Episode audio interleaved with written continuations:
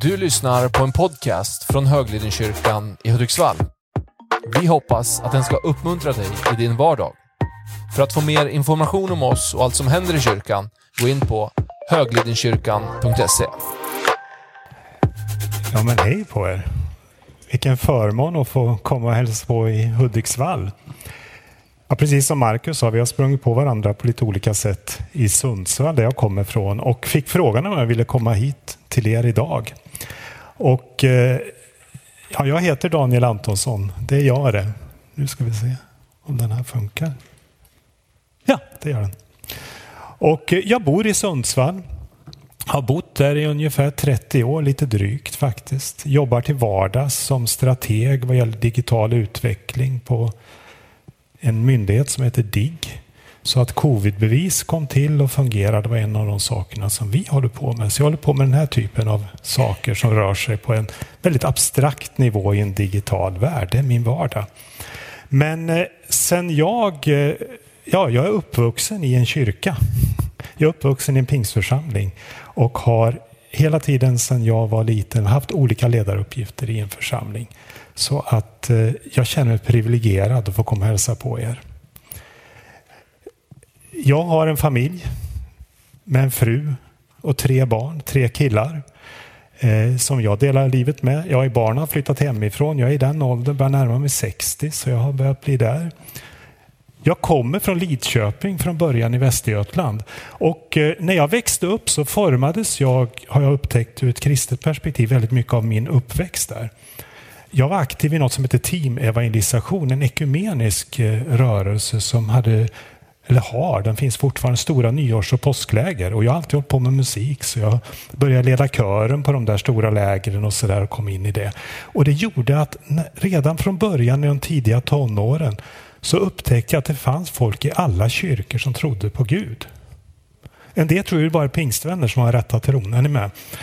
Det, det, finns ju en sån, ibland finns det en sånt missförstånd. Men jag har genom min uppväxt lärt mig att det finns i alla kyrkor och sammanhang folk som brinner för det som är evangeliet. Sen kan vi diskutera om man ska döpas när man är barn eller om man är vuxen. Det kan vi diskutera. Men kärnan är att man vill att den här världen ska förändras genom det Jesus vill göra med oss. Och det är det som har varit min drivkraft genom livet sedan dess. Och just nu så håller jag på med ett jätteutmanande grej som 60-åring. Då. Det är att jag är med i en ny församlingsplantering. Jag har varit med i en församling på 600 medlemmar ungefär i min hemförsamling. Jag var med i en liten församling som är min frus hemförsamling på 60 medlemmar ute på landet. Och jag har varit med i Pingstkyrkan Sundsvall i många år i ledningen där. Men nu är jag med om att börja från början, utan någonting. Och jättespännande. Och där man ser att det inte alltid är kyrkobyggnaden som gör att människor blir kristna. Utan det handlar om mig och min relation med den levande guden. Så att eh, det som driver mig, det är det här. Känner ni igen det här bibelavsnittet? Jesus utmanar sina lärjungar att sprida budskapet om honom i hela världen. De elva lärjungarna gick sedan till ett berg i Galileen dit Jesus hade befallt dem att gå. Och när de såg honom föll de ner inför honom. Men några tvivlade. Alla var inte riktigt på. Är ni med? Har ni varit med om det? Alla är inte riktigt på. Några, även av de tolv lärjungarna, tvivlade om det här skulle gå. Och då gick Jesus fram till dem och sa Jag har fått all makt i himlen och på jorden. Gå därför ut till alla folk och gör dem till mina lärjungar. Döp dem i Faderns, Sonens och den helige Andes namn och lär dem att följa allt som jag befallt er. Och jag ska alltid vara med er ända till tidsålderns slut. Matteus 28. Ni som har varit med länge i kyrkan känner igen det och har läst det många gånger. Det jag skulle vilja sätta fokus på i det här, det är att ofta så ser vi det på det här sättet, gå ut i hela världen. Men för mig är det här också hela världen. Så ibland är det lättare att lägga någonting i kollektboxen för att stödja något som är utanför än att faktiskt ta ner det här till det som är jag och de relationer jag finns i. Och jag skulle vilja utmana er till det. För när vi börjar få ner det här eh, missionsbefallningen till mig själv och där jag finns. Jag tror det är en nyckel för det som är församlingens framgång. Och Hudiksvall i våra hjärtan skrev jag. Ja, jag har faktiskt läst och försökt liksom bli Hudiksvallsbo ett tag. Sådär. Försökt liksom förstå lite, vad är ni för några kufar, det här gänget då, som sitter här? Och, ja, men eh, hur är det? Och jag tänker nu försöka göra en beskrivning som jag uppfattar och så får ni säga fel. Eller också säger ni, det var ganska skapligt, det kan vara något att lyssna på. Det får ni avgöra själva. Jag, eh, jag lägger ingen värdering i hur ni gör det. Jag åker hem efter det här till Sundsvall och eh, kommer gärna tillbaka och träffar er. Och vi syns säkert i himlen tror jag också, så det blir nog bra det. Men jag fick ett uppdrag av pingstpastor i Norrland, alltså pingstpastorerna i Norrland och det här var våren 2019 om jag kunde komma på deras konferens. Jag har jobbat som utvecklingschef i Sundsvalls kommun också, hållit på mycket med utvecklingsfrågor och regional utveckling och sådär. Om jag skulle kunna komma till pastorskonferensen som heter Älska Norrland då och beskriva Norrlands utveckling. Hur utvecklas Norrland befolkningsmässigt för att kunna jacka olika strategiska insatser mot det. Och jag satte ihop ett material som jag skickade över till Marcus och då när du hade skickat över till dig så sa Marcus kan du komma till oss och dra delar av det här. Och det är ett ganska stort material, eller det är ett jättestort material. Så jag har kokat ner det till det jag tycker skulle vara relevant för er här. Men hela materialet finns. Så är det någon av er som är så här statistiskt nördig som mig och tycker det är kul med siffror och sånt där så hör av er till mig eller till Marcus så får ni ta del av det. Ni kanske kommer på att ni har rötterna i någon annan by än de jag visar och skulle vilja se hur det ser ut där. Men om vi tittar på befolkningsutvecklingen, för jag tänk, det blir två delar av det här. Först kommer jag göra en överflygning, hur utvecklas Sverige vad gäller befolkning och sådana saker. Och sen kommer jag gå vidare till kyrkan i Hudiksvall. Hur uppfattar jag den med mina ögon och vad vill jag skicka med er i de processer ni är? Så det är två delar av det jag tar. Och vi börjar med den här befolkningsutvecklingen. Och det här är bara en sån här generell information till er, ni som vill veta var kommer det här ifrån då. Det finns en databas som heter Colada som man kan gå in på. Vem som helst kan göra det på nätet och söka uppgifter om kommuner och regioner i Sverige. Det är Sveriges kommuner och regioner som ansvarar för det här. Och Man kan ta fram en massa olika informationer. Och det är information härifrån som jag visar er nu. Dels vad gäller då hur befolkningen har utvecklats.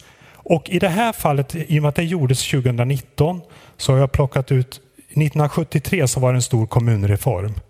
Och det är ju 50 år sedan nu då. Så att jag tittar på det 50-årsperspektivet. Och som det här är beskrivet, eftersom jag gjorde det 2019, så är det, så är det faktiska siffror fram till 2018. Och sen är det prognosen för utvecklingen till 2023. Så det kan vi ju se nu om det blev som de trodde 2018. Är ni med på det? Så är siffrorna. Och sen kommer jag också komma till det som heter socioekonomiska nyckeltal. Det första är ju hur många bor det överallt? Det andra är, vad är det för typ av människor som bor där nu då? Skiljer det något mellan olika kommuner och så? Så jag kommer göra de två varianterna. Om vi tittar på Sveriges befolkningsutveckling under de här 50 åren, från 1973 till eh, 2023 då, så Sverige ökar totalt 31,6 procent över de här 50 åren. Om vi ser på hela Sverige. Det är ganska mycket. Gå från eh, drygt 8 till knappt 11 miljoner. Men om vi tittar på Norrland under den här perioden så ser vi att Norrland är i princip konstant. Det sker väldigt lite förändringar i Norrland. Så den ökning av Sveriges befolkning som sker, den sker i södra Sverige, inte i Norrland. Som församling så kan vi ju be att fler flyttar hit, det kan vi ju göra, men jag tänker inte sätta fokuset på det i den här liksom Eh, Eh, den här dragningen. Utan jag tänker mer, hur förhåller vi oss då till de som bor här i Norrland? Är ni med på intentionen? Sen får ni gärna be om fler, fler norrlänningar. Det pågår ju, Skellefteå har ju fått napp nu en batterifabrik och det pågår ju ganska stor lobbying för att få en batterifabrik till Sundsvall och så vidare. Och sådana här saker bidrar ju till att fler flyttar in. Och det är ju en politisk nivå det handlar om. Men om vi tittar då på Sveriges befolkningsutveckling så kan man dela in de kommuner som finns i tre grupper. Det ena det är storstäder och storstadsnära kommuner, det vill säga Stockholm, Göteborg Malmö. Ni ser de regionerna under 50-årsperioden ökat med 63, över 60 procent. Storstadsregionerna. Om man tittar på större städer och kommuner nära större städer, det vill säga typ Sundsvall, Gävle, om vi tar den storleken. De städerna i 100 000 invånarsklassen, om jag uttrycker mig så, de har under den här perioden ökat med 30 procent. Och resten av städer, tätorter, landsbygdskommun och Hudiksvall räknas som en landsbygdskommun ligger ganska konstant. Så den utveckling som sker i Sverige vad gäller, vad gäller befolkningsutveckling sker i de här koncentrationerna av folk, inte ute på landet. Det kan vara värt att reflektera över. Om man tar de här bitarna och tittar på Norrland istället då, så finns det ju varken Stockholm, Göteborg, Malmö här. De är ju borta. Så att större städer och kommuner i Norrland har ökat med 14,5 procent och det är ju mindre än vad kommunerna i södra Sverige har ökat. Så det slår igenom här. Men de större städerna i Norrland ökar. Medan de mindre städerna, tätorterna landsbygdskommunerna de minskar med 18,4 procent. Så de mindre kommunerna i Norrland som är förlorare om vi uttrycker oss så är det. Och de som är större kommuner de är skapligt med. Så ska man då uttrycka sig. Om vi ser befolkningsutvecklingen. Och eh, ja, precis. Det finns en annan indelning på landet också. Vi har ju 290 kommuner. Men man delar in de här kommunerna i det man kallar för funktionella analysregioner. Det vill säga inom de, de områden där folk pendlar. Och då hamnar man i 60 stycken sådana här där det finns pendlingsregioner. Och om ni ser här är Sundsvallsregionen till exempel som är Sundsvall, Timrå, Härnösand och Ånge räknas där. Här pendlar, det är så många som pendlar mellan de här kommunerna som man ser att det är okej okay att pendla. Det finns ett politiskt initiativ, ett arbete som heter Sundsvallsregionen där även Hudiksvall, där ni finns med i det samarbetet. Eh, jag tror att statistiskt har inte pendlingen blivit så stor. Marcus bidrar ju till den nu och pendlar mellan Sundsvall och Hudik. Va? Eh, så att kan hända nu med det satsen ni har gjort här nu att det helt plötsligt blir en del av Sundsvallsregionen. Men det här är ju statistiskt eh, hur många reser åt olika håll. Så att det kan ju hända att när det här görs om 2025 nästa gång att man då ser att även Hudiksvalls del blir en del av Sundsvallsregionen. Jag kan tänka mig att Nordanstig, i och med motorvägen som har blivit så är det fler som bor i Nordanstig och pendlar in till Sundsvall. Så att det sker en förskjutning här. Men då ser ni, här finns storstadsregioner här. Sen finns det då täta regioner nära större stad. Det är de här eh, storstäderna som jag pratade om, Sundsvall, Gävle. Sen finns det en annan definition som kallas för tät region avlägset belägen. Här ser ni Skellefteå, ni ser Haparanda, Övik till exempel om vi tar i Norrland. Det finns landsbygdsregioner nära större stad och här finns ju Östersund som större stad men det finns mycket byar runt omkring i Jämtland så därför blir det en landsbygdsregion men det finns en stor stad. Är ni med på skillnaden? Medan då Övik till exempel, det är ju en rejäl stad men inte så mycket landsbygd. Förstår ni resonemanget? Så de som bor i Övik, många bor i själva Örnsköldsvik, inte så många på landet. Och det här resonemanget gör då att Hudiksvall som är där och Hudiksvall tillsammans med Nordanstig är FA, en FA-region. Det kallas då en landsbygdsregion nära större stad. Och landsbygdsregion i och med att det är relativt få, om man ser det till kommunens storlek, ändå, som bor i själva Hudiksvall. Ni har även stora platser runt omkring där många människor bor. Därför kallas det för landsbygdsregion. Är ni med på resonemanget? Så det är de här olika statistiska bitarna. Sen finns det landsbygdsregioner som är avlägset belägna. Det, det räknas ni som. Men man kan vara mycket avlägsen belägen och där kommer man i inre Norrland då, till exempel. Om vi börjar titta på de här FA-regionerna och landsbygdsregionerna och utgår från det. Och så tittar vi då på de här Norrlandsdelarna. Så Luleå har under det här tioårsperioden 2018 2008 till 2018 så har Luleå ökat med 2,4 procent. Det här är Gävle som ni ser var ganska plan i många år men sen börjar rusa iväg här uppåt. Vad gäller Gävle så är det mycket närheten till Stockholm som gör att folk bosätter sig och pendlar till Stockholm. Det är inte så mycket att bygga Gävle utan det är att kunna åka till Stockholm. Det är en stark drivkraft i Gävles utveckling. Vi har Umeå som ni ser är den enda faktiskt av de här kommunerna, regionerna som växer ordentligt. Det är Umeå. Vi har Sundsvall som är det gråa strecket där, så ni ser det ganska konstant. Det sker inte mycket med Sundsvall. Och vi har Östersund som också är ganska konstant. Så, så här ser utvecklingen ut i de olika regionerna i, i Norrland. Om man tittar på det då utifrån några landsbygdsregioner som är avlägset benägna, belägna. Och då tog jag sådana som jag tänkte var lite intressanta. Bollnäs Ovanåker till exempel. Där är ju Bollnäs, Ovanåker och Söderhamns kommun finns med i det, den FA-regionen. Där ser ni, det är ju en region som har under de sista tioårsperioden gått ganska plant men prognosen var att minska lite. Men om man ser det över tid så har den regionen minskat ganska mycket. Tittar man på Hudiksvall så ser ni är ju relativt konstanta. Så att ni är, ni är konstant kan man säga över 50 år med mängder människor som bor där. Samma sak Ljusdal, det sker inte så stora förändringar heller. Och jag tror jag har tagit in Hälsinge i det klustret. Jag tror de är med allihopa där. Va? Missar jag någon? Söderhamn finns med i Bollnäs Ovanåker. De ligger så nära varandra de tre kommunerna som man pendlar i dem. Men Söderhamn är inte Hälsingland heller va? Eller är det det? Det är det. Då var det fel på Wikipedia. Jag tog in en annan här som exempel som jag kommer återkomma till, en sån här gråing där inne. Överkalix har minskat med 11 procent. Så att när man kommer till de här gråingarna så är det ganska tufft. Hörni. Är det någon som har koppling till Överkalix här?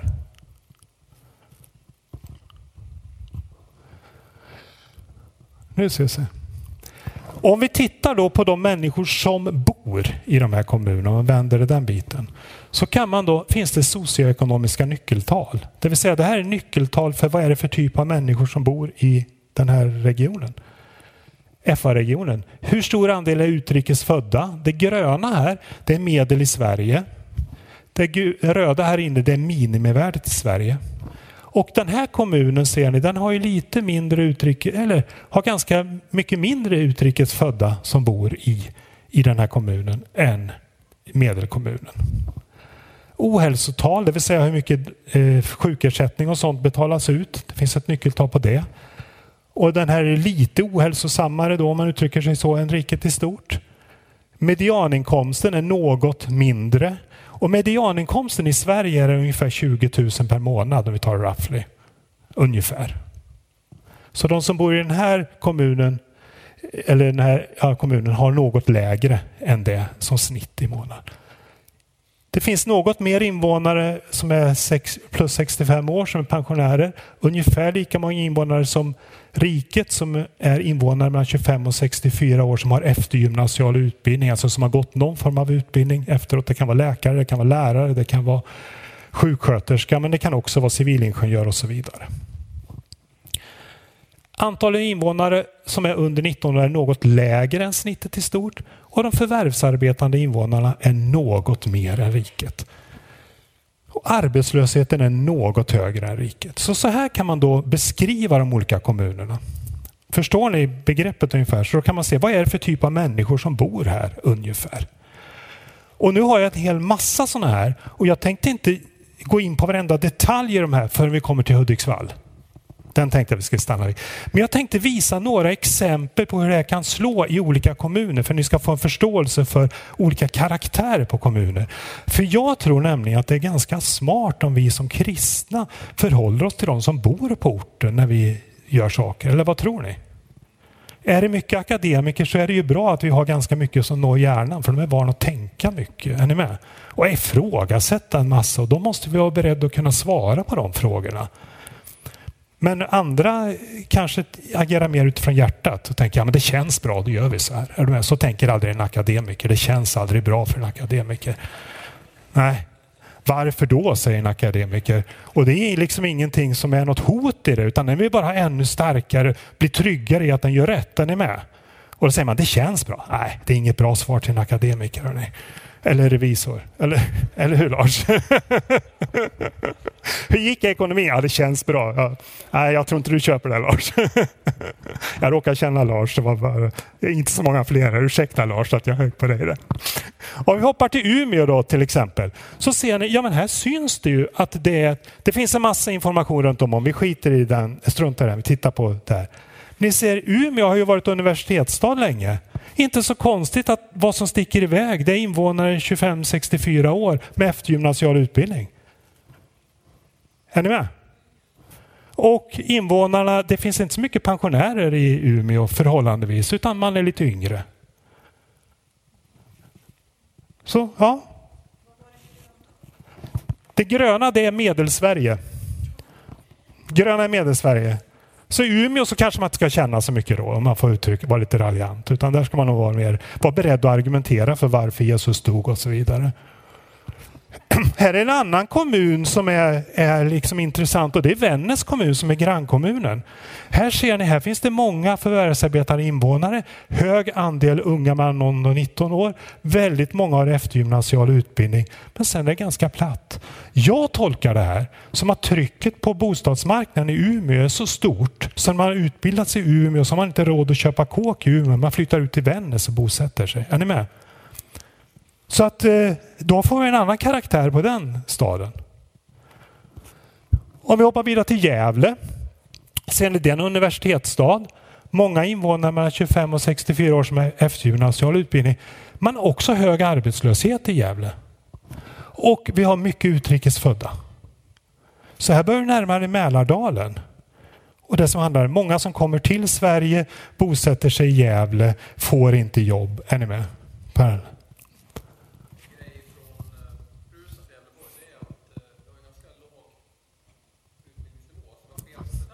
Mm.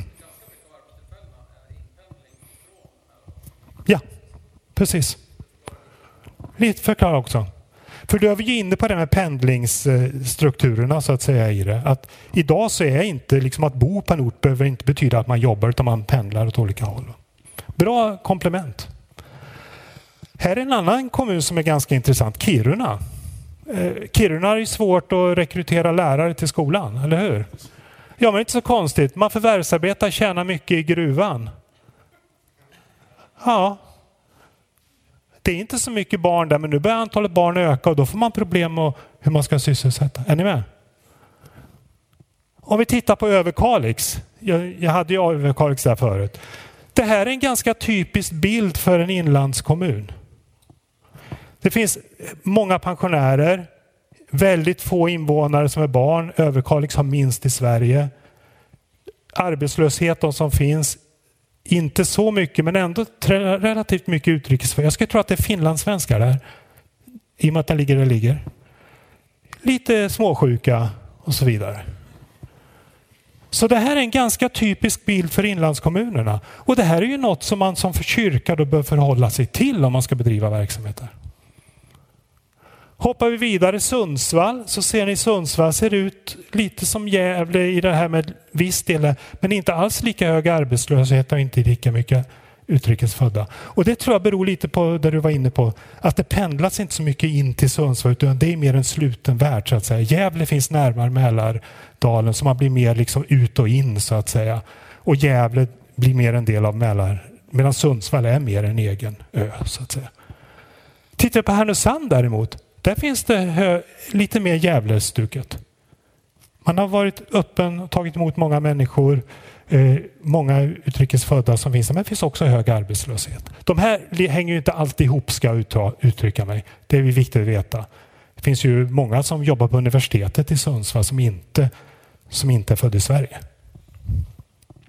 Timrå ni ser, där ser ni också trycket på Sundsvallsregionen. Då, att det inte är lika stort som på Umeåregionen. Annars skulle man kunna tänka mig att Timrå skulle kunna blivit ett Vännäs. Är ni med? Det är dyrt att köpa kåk i Sundsvall så därför bosätter man sig i Timrå. Men det är inte alls på det sättet. Ånge, lite mer Överkalixstuk. Fast inte lika extremt. Nordanstig, vi börjar närma oss hörni. Ja, på det där sättet relativt få med eftergymnasial utbildning. Jag skulle kunna tänka mig att det beror på att det är många små byar eh, och så vidare. Men jag skulle tro att den där kommer att öka med utpendling från Sundsvall med de lägen som finns då och så vidare. Hudiksvall. Så här ser Hudiksvall ut. Det var den första jag föredrog för men jag talade inte om att det var ni. Men jag tänkte jag kan ha. Så så här ser era socionomiska karta ut. Och det är ju de här människorna som ni är till för, tror jag. Eller visst är det så?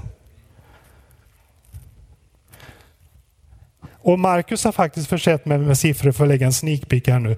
Så jag har faktiskt ritat in från en sån här bild som ska avsluta med hur Höglidskyrkan, Höglidenkyrkan mappar mot det här. Men det kan vi, ni kan få den liksom sneak peek sådär. Vi återkommer till den. Bollnäs har den här karaktären. Vi tar era grannkommuner. Här har vi arbetslöshet på ett annat sätt, i det sättet. Ovanåker på det här sättet. Här ser man småföretagsamheten och så vidare, den biten att många förvärvsarbetar. Men ändå arbetslöshet och många som är plus där. Ljusdal. Söderhamn. Tillbaka till Hudiksvall. Jag tycker ni verkar vara lite som ett mini-Sverige. Ungefär så. Ta någon minut och reflektera med grannen över det jag visar så vi går in på den kristna kyrkan sen. Ja, det blir ju kyrk, kyrkvika sen med en chans att prata ordentligt då. Men det ni kan, om vi tittar lite mer på hela den här bilden nu så finns det en rad som jag inte har pratat så mycket om men som ni kan intressera för. Det är liknande kommuner. Ur ett statistiskt perspektiv så är Sölvesborg, Mariestad, Sala, Boden, Robertsfors sådana kommuner som är mest lika er vad gäller de som bor där. Så jag tänker om ni funderar på hur ni ska, hur ni ska etablera er kyrka och bli mer verksam så det, kan det vara väldigt intressant att se de här städerna, är det någon av de städerna eller kommunerna som har hittat sätt att verka så är det stort, väldigt troligt att det skulle kunna vara relevant för er också. Om jag får skicka med en sån här liten tips då. Så det här är de kommuner som statistiskt sett är mest lika Sverige. Men jag tänker med Sölvesborg, är Sverigedemokraterna starka hos er här? Sölvesborg är ju jättestarkt. Det är också sådana här saker man kan fundera på kring de här bitarna. är ni med på olika strukturer hur det funkar? Vi släpper det, vi släpper Sverigedemokraterna. Det är kyrkan vi ska prata om nu, inte annat. Om vi tittar på den kristna församlingen då i Hudiksvall så kan man ju fundera, hur tar man tempen på, på den kristna församlingen? Ja, ett sätt skulle vara att räkna antalet kapell och kyrkor. Tror ni det är så framgångsrikt? Nej, jag tror inte det heller. Vi har ett kapell i byn där jag bor, ingen verksamhet sedan många år, så det är ganska lost. Va? Det andra är att räkna antalet församlingar. Nu använder jag det här i Sundsvall, så det är organisationsnumret där. Och antal medlemmar i... Ja, det, det kan funka, men jag misstänker att ni, precis som de församlingar jag har varit med i också är med i, att det finns folk som står i matriken som inte är så aktiva i kyrkan. Det blir ju så. Så att om man kan konstatera att båda de här måtten de är trubbiga för att ta tempen på Kristi kropp. Och det här var ju ett arbete jag gjorde nu då för pingstpastorerna och jag summerar ut det som är Hudiksvall nu.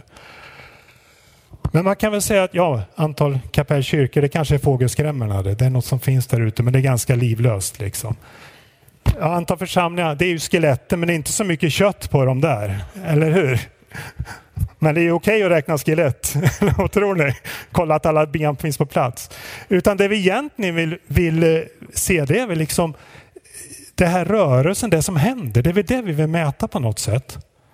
Och ja, antal döpta i en rörelse som pingströrelsen som döper för att bli medlemmar, då är det ett mått på att se hur många just nu är det som är aktiva. Är ni med? Men i och med att de sen kan bli inaktiva så är det, inte, det är ju antalet medlemmar också inom pingst. Va? Är ni med? Men klart, antalet döpta under ett år, det ger ju någon temp om man tar ett statistiskt perspektiv. Gudstjänstbesökare, ja men det är väl också ett relevant begrepp man ska kunna göra. antalet deltagare i cellgrupper eller vad ni kallar det för, växagrupper. Det finns ju många begrepp. Det skulle också vara ett sätt att kunna mäta. Jag tror i den process ni är nu, nu är det bara liksom ett tips. Jag tror det vore bra om ni hittade något sätt att mäta som gör att ni kan ta tempen på er fortsättning. Men vad detta är, jag kan inte säga mät på det sättet, men det kan vara värt att fundera på. För att se, är det vi gör framgångsrikt? Och nu blir jag ju inte känna utan nu blir jag akademiker. Är ni med?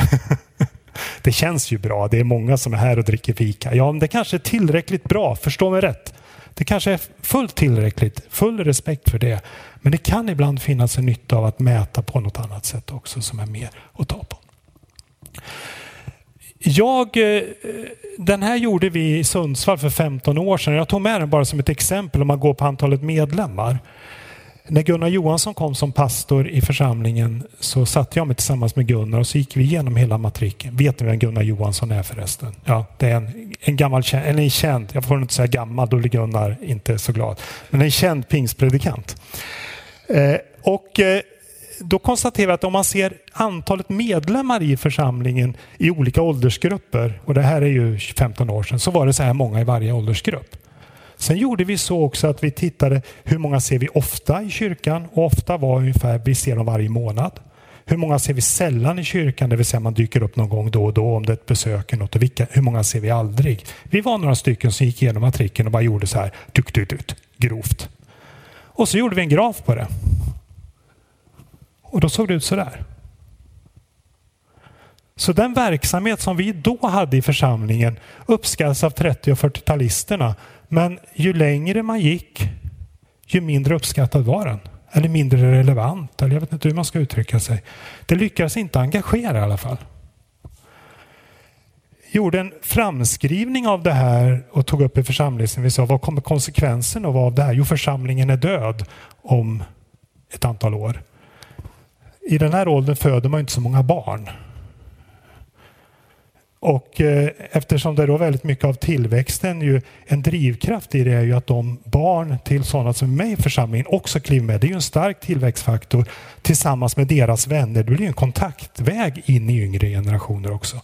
Så gjorde vi en framskrivning kring det och konstaterade att då kommer församlingen att dö. Och det här blev en gnista, en diskussion i församlingsledningen och församlingen där. Hur ska vi tänka för att nå framåt? Och då kommer man ju lätt till de här diskussionerna. Är mest välsignat att stå eller sitta när man sjunger? Ska man falla på knä när man ber eller inte? Är ni med? Det är väldigt många sådana här symbolfrågor som kommer upp istället för det som är kärnan. För kärnan är ju egentligen inte om vi står eller sitter när vi sjunger. Kärnan är ju inte om vi ligger på knä när vi ber eller står med lyfta händer, utan kärnan är ju att vi ber och har en relation med Gud. Att vi sjunger lovsånger. Och jag tror att vi behöver komma bort från att diskutera hur vi gör till vad som är kärnan i det. För det är kärnan som är kopplingen till min tro och till Kristus och till Gud. Och håller vi fast i den oavsett former, då kommer vi att få framgång. Formerna kommer att förändras. Men på något sätt är det så att på det sättet man gjorde han var i 20-årsåldern, det är ungefär så man tänker att det alltid ska vara. Och troligtvis blir det så i himlen också. Ja men visst är det lite så va? Man, liksom, man fastnar lite i, ja, men jag blev så välsignad av det här så att då måste det vara det enda sättet Gud verkar på.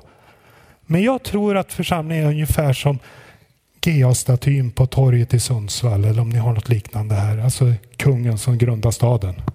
Det var väl Gustav Adolf här också förresten? Var det Adolf Fredrik här? Johan den tredje. Ja, men, jag skulle läst på lite bättre. Men eh, man kan se den statyn från flera olika håll. Och oavs- när man står från ett håll så beskriver man den på ett sätt. Är ni med? Och jag tror det är så med Kristus. Att Kristus finns här i mitten. Vi ser honom på olika sätt från olika positioner, men det är samma Kristus. Och då måste vi fokusera på Kristus och inte det som är runt omkring. Är det däremot att det är framgångsrikt att hitta det här sättet att verka för att peka på Kristus? Är ni med? Då ska vi välja den vägen. För det är en strategi för att göra Kristus känd bland folket. Så tänker jag i den biten. 2018 fanns det 917 Hudiksvallsbor som var med i någon kyrka. jag gick in på något som heter Kyrktorg och sen frågade jag då det var för hela Norrland. Hur ser kristenheten ut i Norrland? Så jag gjorde en sammanställning av alla kyrkor som gick att hitta i Norrland. Jag lyckades med alla utom Nordanstigs kristna center för de svarade aldrig Marcus hur många som var medlemmar.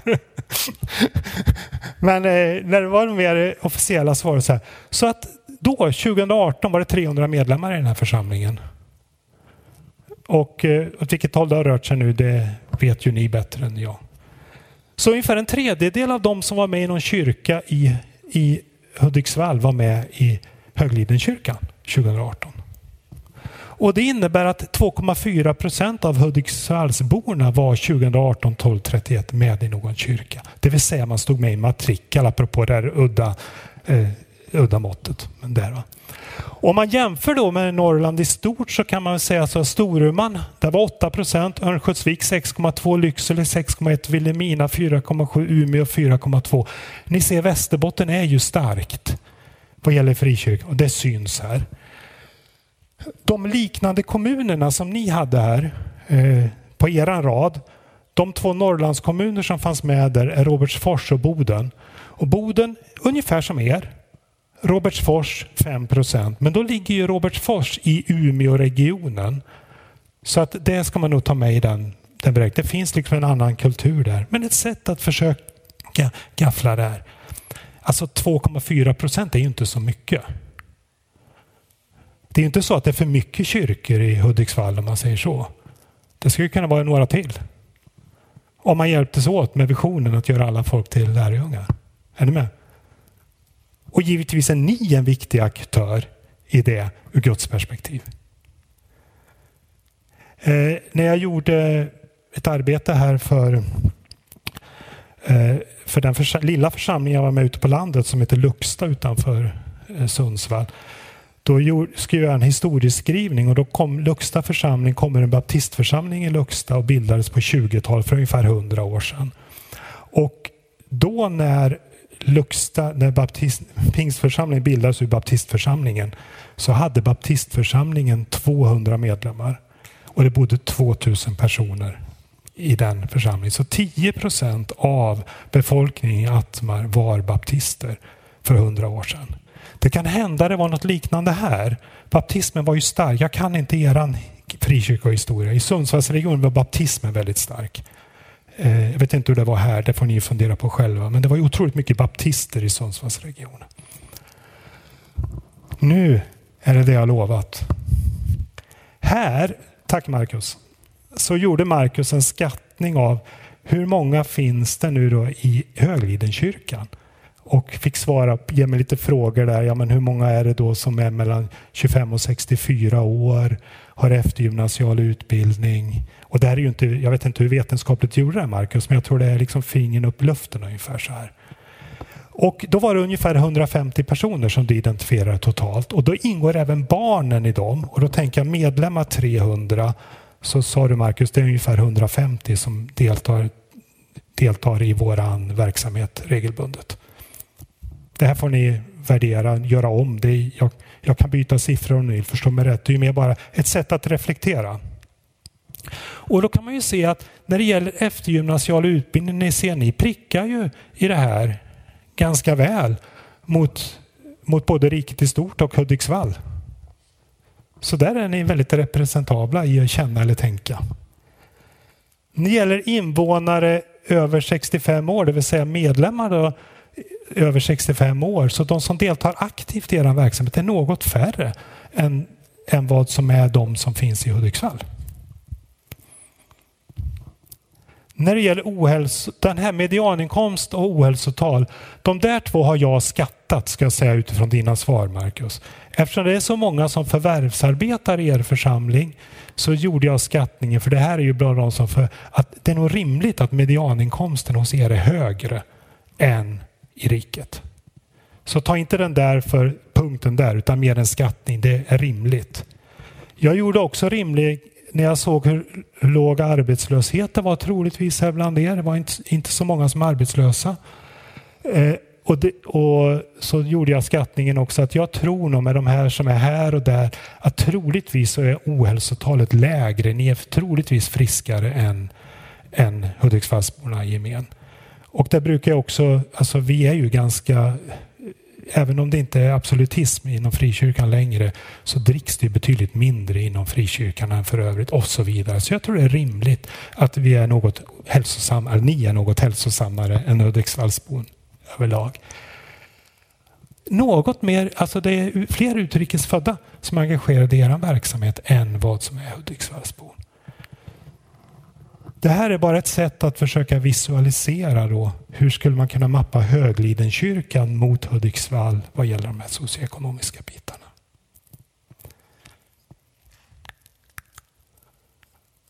Sen vad ni har för fokus som församling, det är ju upp till er. Är det så att ni vill satsa på någon speciell grupp så att säga, ja men ni verkar ju ha en hög andel unga invånare och unga Hudiksvallsbor som är med i er verksamhet. Fine, vi hörde ju här vad som händer.